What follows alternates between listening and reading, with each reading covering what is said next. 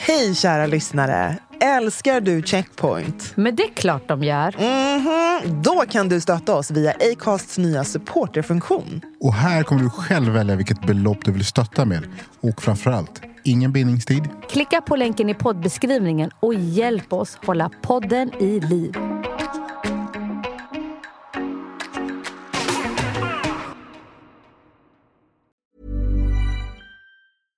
I'm Sandra, and I'm just the professional your small business was looking for. But you didn't hire me because you didn't use LinkedIn jobs. LinkedIn has professionals you can't find anywhere else, including those who aren't actively looking for a new job but might be open to the perfect role, like me.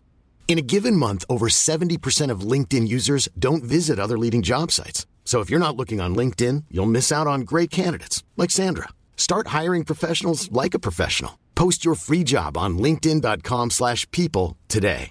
Even when we're on a budget, we still deserve nice things. Quince is a place to scoop up stunning high-end goods for 50 to 80% less than similar brands. They have buttery soft cashmere sweaters starting at $50, luxurious Italian leather bags, and so much more. Plus, Quince only works with factories that use safe, ethical, and responsible manufacturing. Get the high-end goods you'll love without the high price tag with Quince. Go to quince.com slash style for free shipping and 365-day returns. Jag kan dra paralleller till eh, Trump. Han var ju emot eh, cancel culture. Först ja. Men när det passar honom, ja. Då skulle man ju cancella Goodyear för att man inte fick ha kepsarna Make America Great Again på arbetsplatser. Och där han kände att nu diskriminerar de mina anhängare. De ska ju få bära vad de vill. Och sen så likställde han det med religiösa symboler. Han kan ju inte påstå att han är pro-hijab. Det kan han ju inte göra liksom.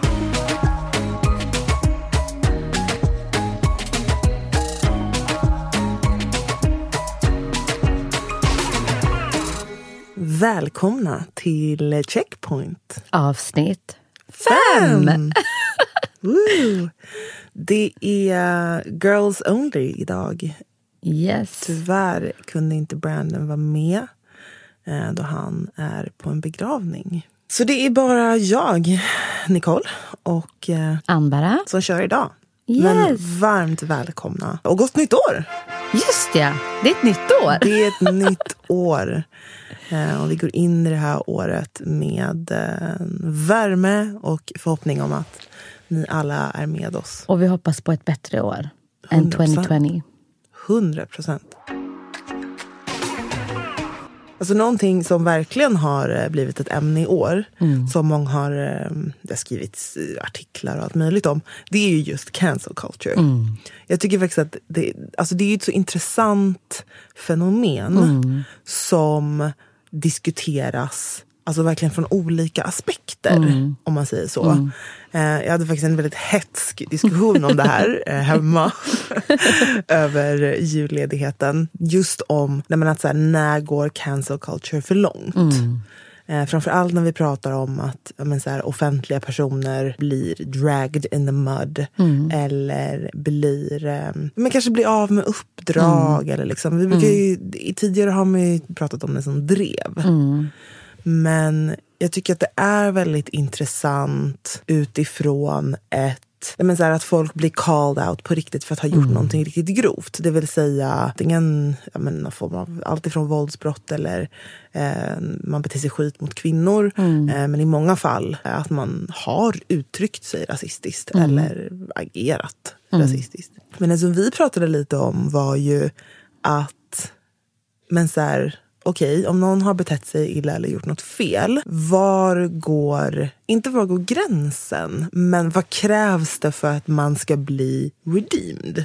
Det vill säga, alltså räcker det med en ursäkt? Eller liksom, vem bestämmer när du är, och om du blir förlåten? Det är en jättebra fråga. Men jag, alltså jag vet inte vart jag landar i det. Alltså jag tillhör nog de som tycker att cancel culture har lett till en positiv förändring. Speciellt när det gäller alltså att företag får stå till svars. Man får stå till svars om man har uttalat sig rasistiskt eller om man gör saker bara för att visa att man är allierad fast man egentligen inte är det.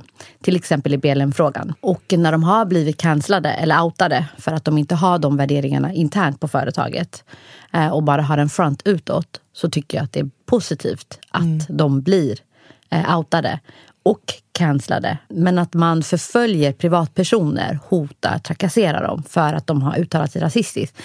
Hmm, I'm not a fan of that. Och, och det här med när är det tillräckligt? Alltså, har man gått ut med en ursäkt? Är det tillräckligt för att man ska bli saved från mm. cancel culture? Det beror nog på, tänker jag, så här, om ursäkten verkligen är genuin och man någonstans har lärt sig från sitt misstag och gör bättre framöver och kanske pledgar till, låt säga BLM-frågan. Mm.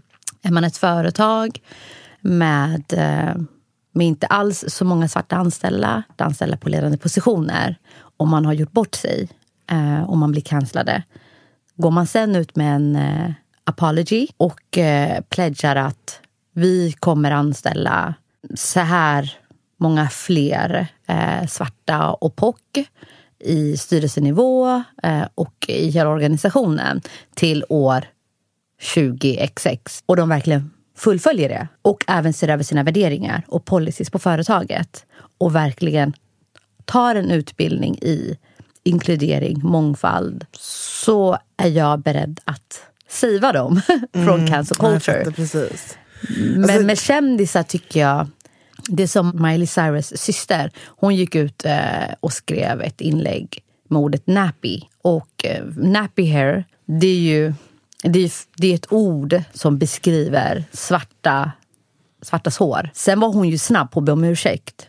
Men frågan är, har hon lärt sig någon, någonting längs resans gång? Alltså när kändisar är snabba på att be om ursäkt, I didn't know, och jag har lärt mig någonting och jag visste inte att det här ordet var så fel att använda. Någonstans blir man så här, fast kom igen, visste du inte det?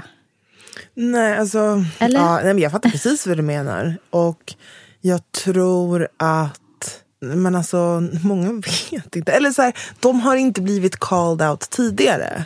Alltså, mm. jag har haft, jag brukar checka alltså, mm. folk i min närhet. Mm. Det är liksom inte vardagsmat, men jag mm. gör det, och på ett, oftast beroende på vad det är man kanske mm. säger, på ett men, så här, diskret eller ja. liksom, diplomatiskt sätt. Mm. Att bara så, använd inte det där ordet ja. Eh, för att x, y, z. Eh, snälla respektera det.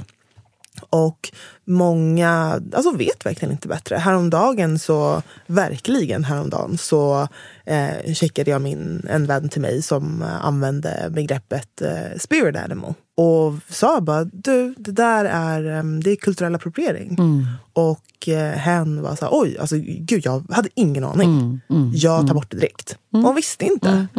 Mm, så att, jag vet inte, jag lever fortfarande i den här världen att så här, många inte vet. Men mm. det handlar alltså precis det här, det är ju det, om man går tillbaka till lite så här, tolkningsföreträde mm. Mm. och vad det betyder, är ju att för mig i alla fall, så det är ju aldrig intentionen som räknas. Att personen, vare sig personen inte vet eller menar något illa, så är det inte det det handlar om. Utan det handlar ju om att så här, men du har gjort fel. Be bara om ursäkt för det och gör inte om det. Alltså, säg till mig att du har förstått och lärt dig. Och inte det här med att liksom gå in i försvarsställning. Utan det är det som många blir eh, provocerade av. Mm. Vi har haft många, det har framförallt då varit i poddar, eh, när, när det har varit eh, flera incidenter mm. där framförallt de exemplen kanske är att här, vita kvinnor har uttryckt sig mm. på sätt som inte är okej. Okay. Mm. Antingen eh, beskrivit ett scenario eller har använt ord som inte är okej. Okay. Och jag tror att folk inte förlåter eller blir upprörda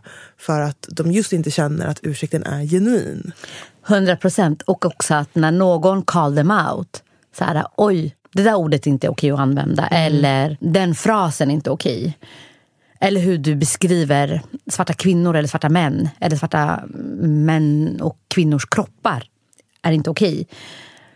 Att sen gå i försvarsläge i kommentarerna det är inte okej. Okay. Men någonstans som man bara, okej, okay, hear you, uh, I didn't know, vi ska bättra oss och tack för att du har kommenterat. Mm. Jag tror någonstans att det som du säger, vi i det här fallet har ju en tolkningsföreträde. Exakt. Går vi ut och säger det här är inte okej.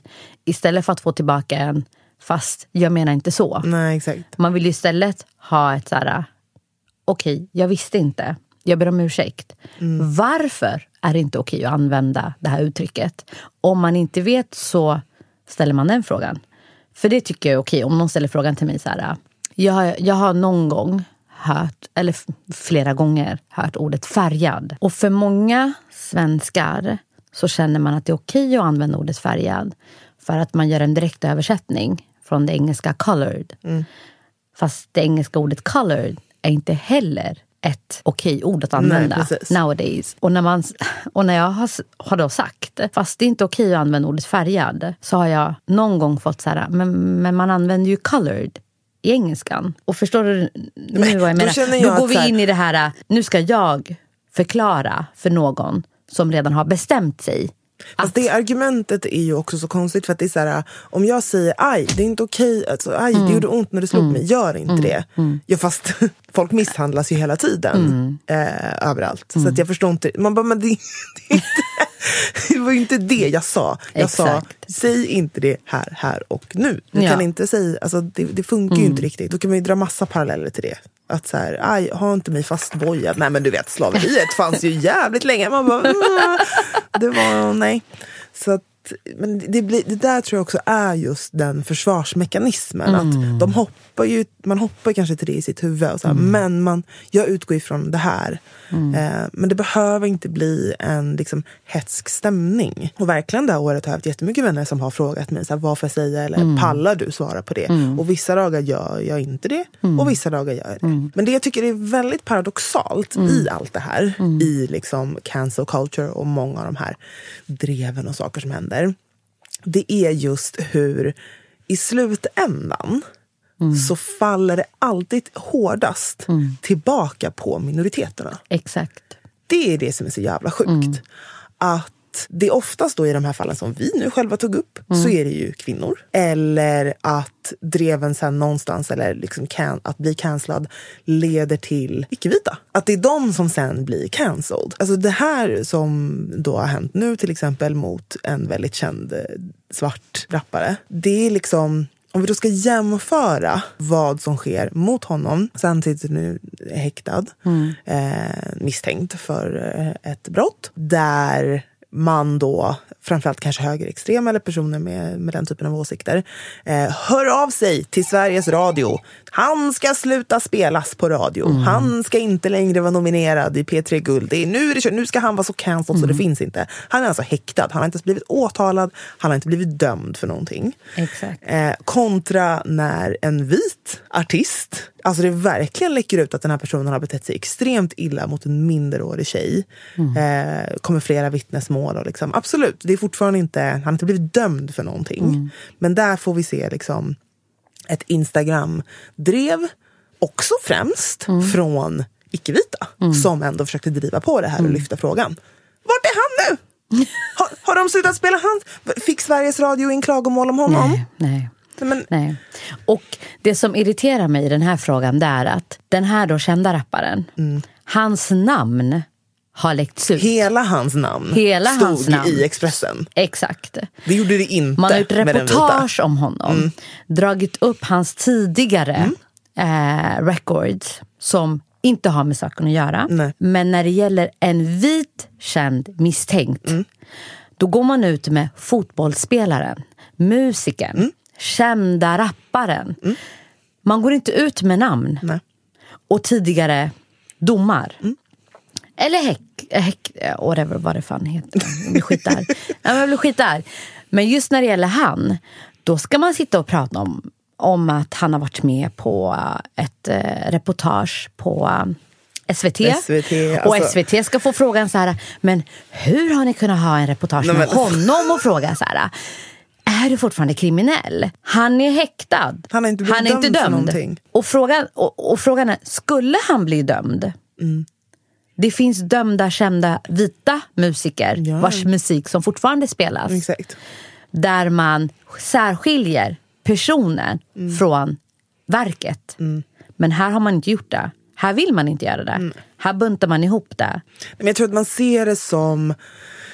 Jag tror det jag vill komma till är någonstans att jag ser paralleller i de här olika dreven eller när man vill cancella någon. Mm. Att det finns ju en, ett underliggande hat eller Mm. en, en underliggande agenda mot den här Mm. eller de här personerna som driver på att cancella dem.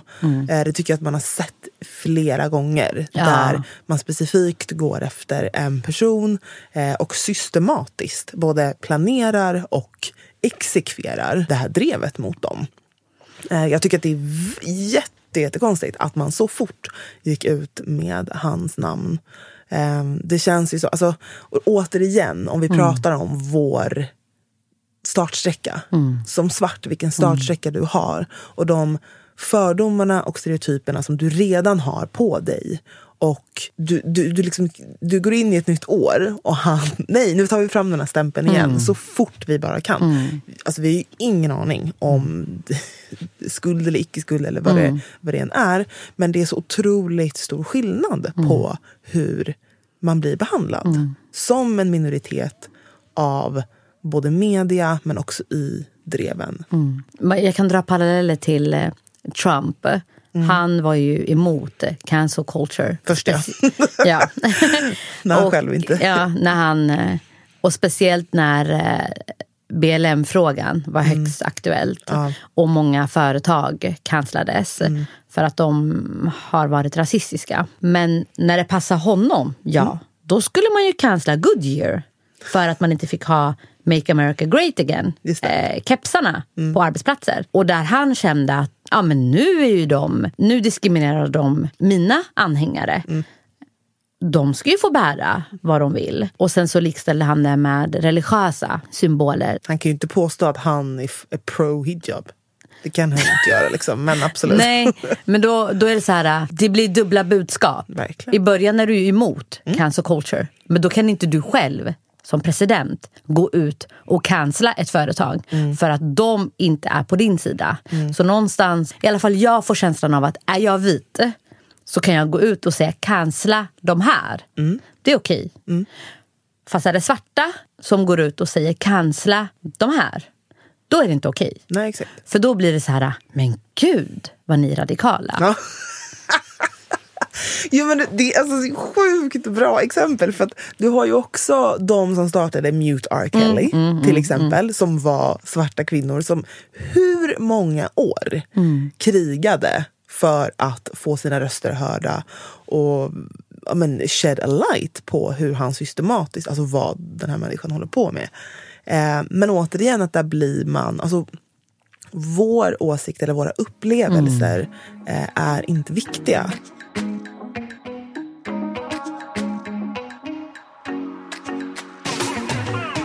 Gud, jag måste bara ta upp något annat som hände. Jag lyssnar på mycket, jag älskar poddar och lyssnar på väldigt mycket poddar. Eh, framförallt liksom true crime och dokumentärer. Och så började jag lyssna på en som verkade sjukt intressant som handlade om, den hette någonting med gaming dokumentär, någonting sånt. Men då var det i alla fall, här i Sverige, så var det en 12-årig pojke som var en jättestor del av ett gaming-community. Han gamade konstant.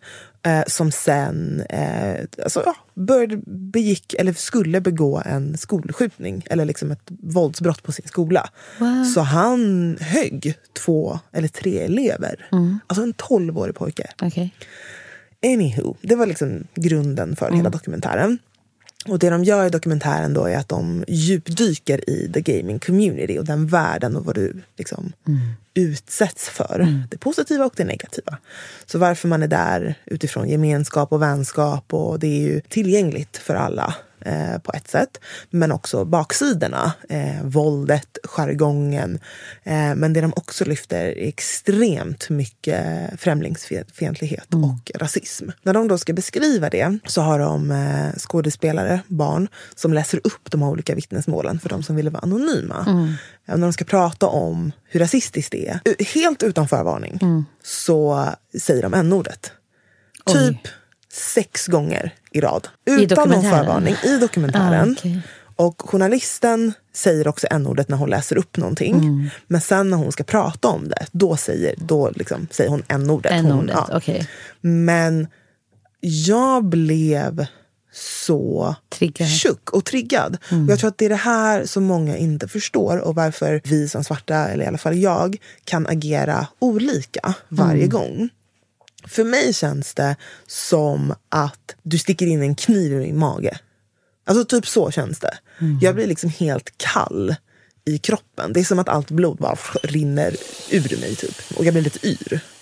Så, så triggar det för mig. Jag försökte verkligen tänka på liksom hur jag kände. Och jag var såklart tvungen att pausa. Och det här, så här alltså det, det skakade om hela min dag. Jag kunde liksom inte... Och min kille var så här, ska vi kolla på det här? Och det var någonting med så här, något mot svarta. Jag var nej, alltså jag klarar inte av något mer. Jag klarar inte av någonting mer eh, idag. För att det här, det it shook me så mycket. Jag tror att det är det här Alltså- man glömmer. Att så, även fast ni eller man vill citera någon eller man vill försöka säga att det här ordet är inte bra. Så man ska inte använda det. But, but you just did! you just did!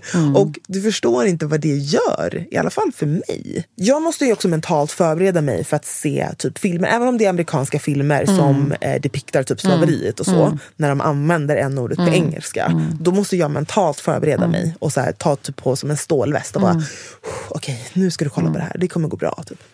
Jag tror att det är det folk Jag, inte, inte kan inte, förstår. jag kan inte ens prata om, alltså jag kan inte ens formulera det jag känner Mm. när jag hör n-ordet. De gångerna jag har hört det, alltså jag blir så känslomässig och blir så nam och kan ibland inte ens säga ifrån. Jag kommer ihåg en gång jag hörde det. Jag var ju tvungen att gå in på, på toaletten Mm. för att samla mig. För att jag typ alltså bröt ihop. Mm. När vita säger, men varför kan vi inte använda till exempel en bollen och så vidare. Det har ju alltid funnits. Vi har alltid sagt det. När man ska köpa en chokladboll. Alltså det argumentet håller inte för mig. För om man bara förstår vad det ordet betyder och vad det ordet gör mot oss så skulle man inte ens argumentera kring det hela. Man hade bara släppt det. Jag kan känna att det argumentet är ju precis det som the southern states Mm. använder för att bevara slaveriet. Alltså om du ska använda argumentet att men vi har alltid sagt det så, eller Mm. det är så jag är van vid. Nej, Men, då, då skulle det ju bara finnas ondska i världen. Exakt. Om det är det argumentet vi ska gå på. Ja, man hör inte black americans säga c-ordet till vita. Alltså, man hör ju inte det. det blir så olika reaktioner varje gång. Ibland pallar jag säga att jag liksom säger inte det.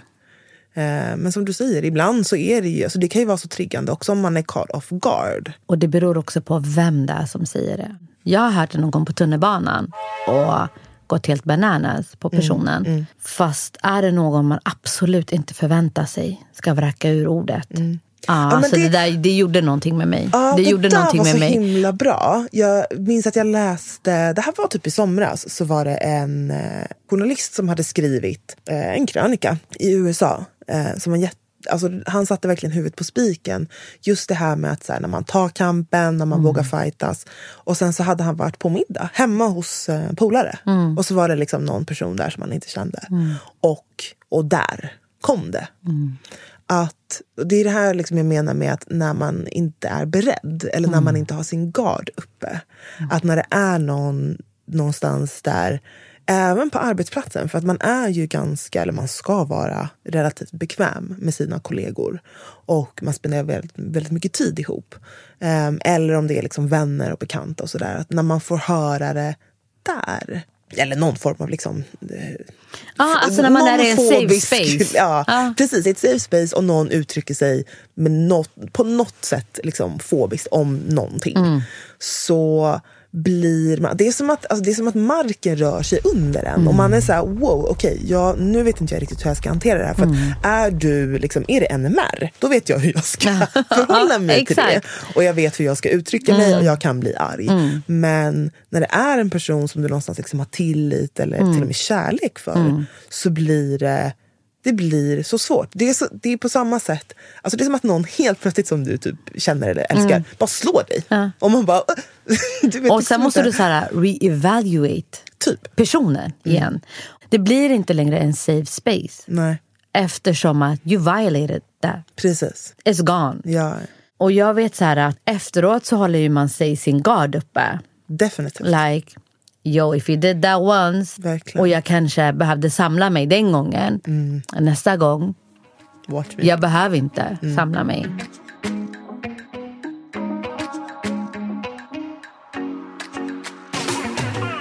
Jag kollade på uh, under julledigheterna med min son på Remember the Titans. Och jag älskar, Jag älskar den den. filmen. Och uh, min son går ju bara i trean. Så uh, de har ju inte, de har inte läst om slaveriet ännu. Nej, okej. Och eh, Jim Crow-lagen och så vidare. Och vi har inte heller aktivt eh, djupt dykt i eh, svartas historia. Eh, just när det gäller slaveriet. Och eh, Jim Crow-lagarna. Och, och apartheid. Sen när vi såg filmen så, här, så tänkte jag inte på att det kommer upp scener där man ser att svart, de svarta spelarna inte får gå in på, och, och käka på en restaurang eller var det en bar eller whatever. Och min son bara så här, men mamma varför hände det? Och i början när de vita inte ville spela med de svarta. Och så här, vi pausar filmen och jag kände så här, okej men innan vi fortsätter kolla på filmen så behöver jag berätta lite saker för honom. Och sen så gick vi in i så här, slaveriet, eh, Jim Crow-lagarna och sen dagen efter vi pausar filmen hela dagen. Alltså så här. Och sen så pratade vi om apartheid. Och alltså min son blev så chock. Han var så här, men mamma hur kan man behandla oss på det viset? Vi är ju inte mindre värda. Och höra honom försöka resonera och infinna sig i den historien. Alltså det gjorde ont i mig. Det har hänt, men vi är fortfarande Alltså vi är fortfarande magiska, underbara, starka personer och vi ska vara stolta över vår blackness. Och ingen ska ens försöka, du vet så här, ah, fast du är svart och ni har varit slavar och så vidare.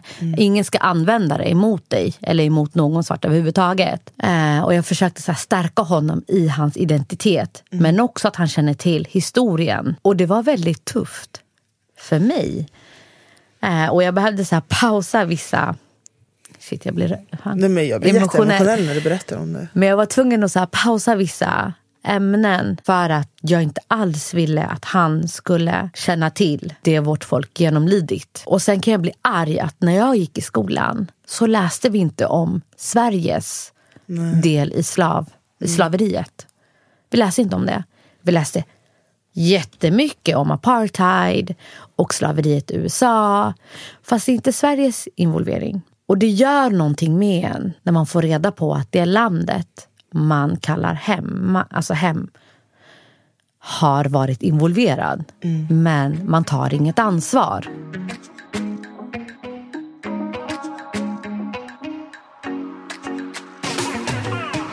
Det var en artikel som gick upp nu precis om tre vita kvinnor som har startat ett företag där de gör eh, sina egna mahjongspel.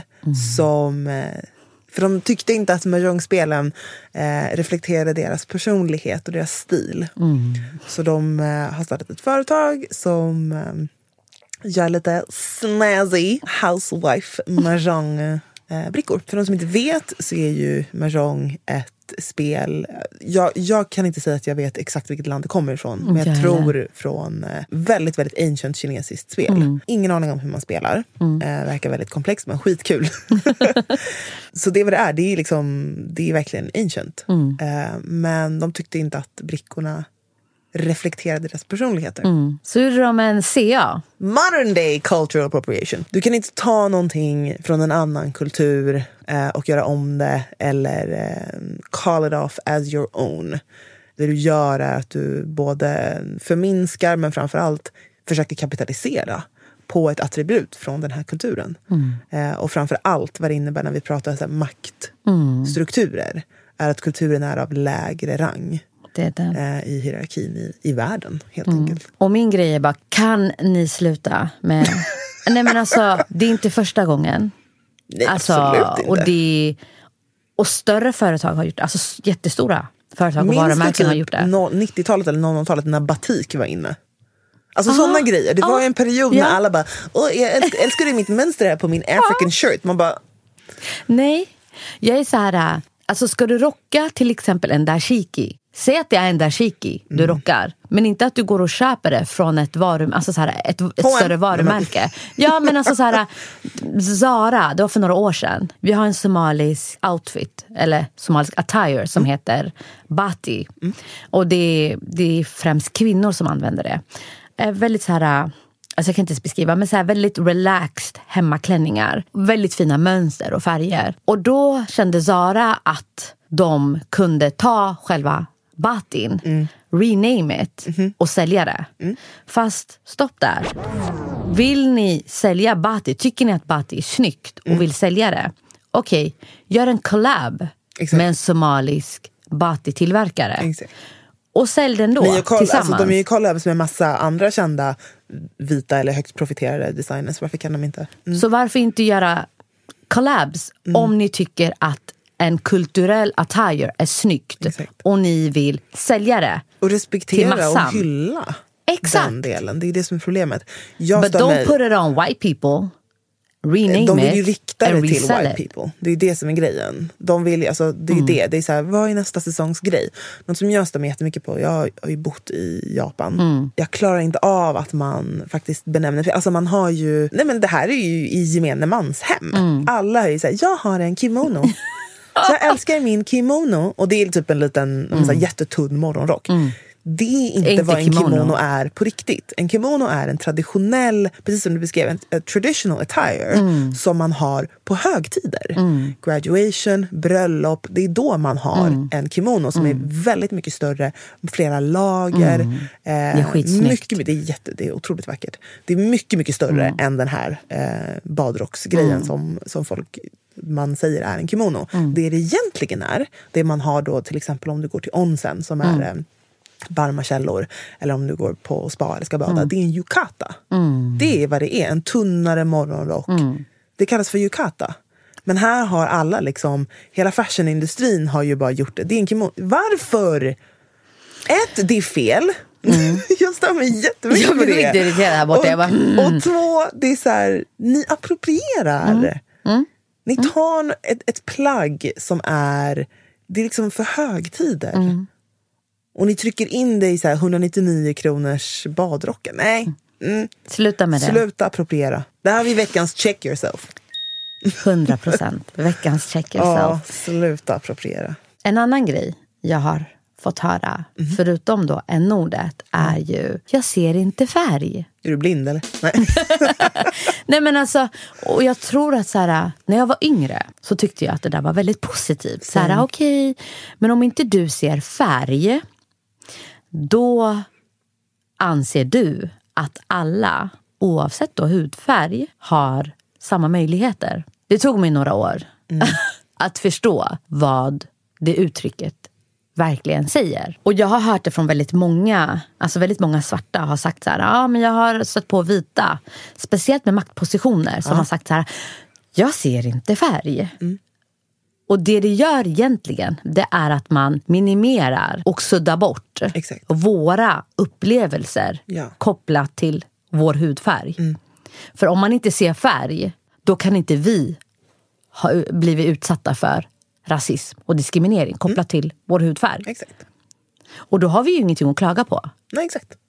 Så den här diskussionen behövs inte. Typ. Nej, ty- ja, typ. Mm. Det andra på det, var jag, för jag minns också så här, när jag var yngre, när jag, jag fick höra det också mycket. Eh, gick i väldigt vita skolor och sådär och då var det mycket liksom, jag ser inte färg. Men delvis var det ju då kopplat till att man tänker så här, aha, är jag så assimilerad? Det, för mig blir det Jag väldigt starkt. det där, ja, så här, och jag är så assimilerad att du inte vill se eller vis, eller vad menar du? Du, Mm. du ser liksom inte att jag är annorlunda, du vill inte se det. Mm. Jag fick ju uttryckligen också höra att så här, nej men inte du. Du räknas inte. Du Mm. är ju typ vit, du är ju så här, mycket sånt. Mm. Eh, har jag fått höra under uppväxten. Liksom. Så då blev det ju en fråga om så här, okej, vadå, Har jag- är jag helt eh, av, är allt avtvättat? Men precis som du säger, att när man säger jag ser inte färg, det är ju att du vill inte ta... Det är som att det är en friskrivning. Det är ditt get out of jail card. att You said it. eftersom du säger att du inte ser färg så Mm. k- kan inte du ta något ansvar för någonting som antingen eh, du har gjort eller hänt eller varit eh, passiv i, whatever. Mm. Det, den tycker jag är väldigt intressant för att i slutändan handlar det ju inte om vad du ser eller inte ser. Mm. De strukturerna finns i samhället. Verkligheten är så här. Superkonkret exempel. Mm. Ehm, ni minns när Åhléns hade lilla pojken, svarta pojken som var Lucia. Ja. Och det blev ju kaos. Slutade med att de tog, tog bort kampanjen för att familjen fick så mycket hat och hot. Där tycker jag ett exempel där det är så här, grund, grundstommen i att ha gjort det är såklart att nej men vi, vi ser inte färg. Vi vill göra en härlig grej. Det är naivt att säga att du inte ser färg. För att du måste ju veta någonstans att det fortfarande finns extrema åsikter där ute. Och det finns hat. Det vi upplever är inte bara det. Men vi har upplevt det. Vi har haft skinheads som skriker på oss. Vi har kanske blivit utsatta för våldsbrott. Vare sig det är i våra hem, eller på arbetsplatsen, eller på tunnelbanan eller på gatan. Det har hänt och det händer. Eh, att säga att du inte ser det, du, du kan inte mm, vara en oskyldig eh, bricka i vad som är ett större spel, tycker jag. All right guys. Yes! Tack för att ni lyssnar. Tusen tack för att ni lyssnar. Glöm inte att eh, checka in på Instagram. Checkpoint podcast. Skriv till oss. Ja. Vad vill ni höra? Eller berätta om saker som ni har upplevt. Om det är någonting ni vill dela mer av. 100% anonymt såklart. Antingen frågor, men framför allt så här, vad har, vad har du upplevt? Nästa vecka så är Brandon. Trion är tillbaka. Yes. Så vi hörs då.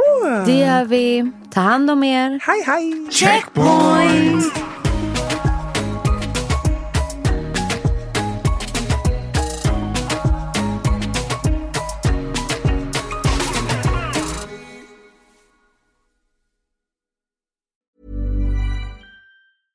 Imagine the softest sheets you've ever felt. Now imagine them getting even softer over time. That's what you'll feel with Bowl and Branch's organic cotton sheets. In a recent customer survey, 96% replied that Bowl and Branch sheets get softer with every wash. Start getting your best night's sleep in these sheets that get softer and softer for years to come. Try their sheets with a 30-night guarantee. Plus, get 15% off your first order at bowlandbranch.com. Code BUTTERY. Exclusions apply. See site for details. Even when we're on a budget, we still deserve nice things. Quince is a place to scoop up stunning high-end goods for 50 to 80% less than similar brands. They have buttery soft cashmere sweaters starting at $50, luxurious Italian leather bags, and so much more. Plus, Quince only works with factories that use safe, ethical, and responsible manufacturing.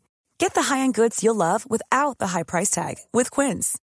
Go to quince.com slash style for free shipping and 365-day returns.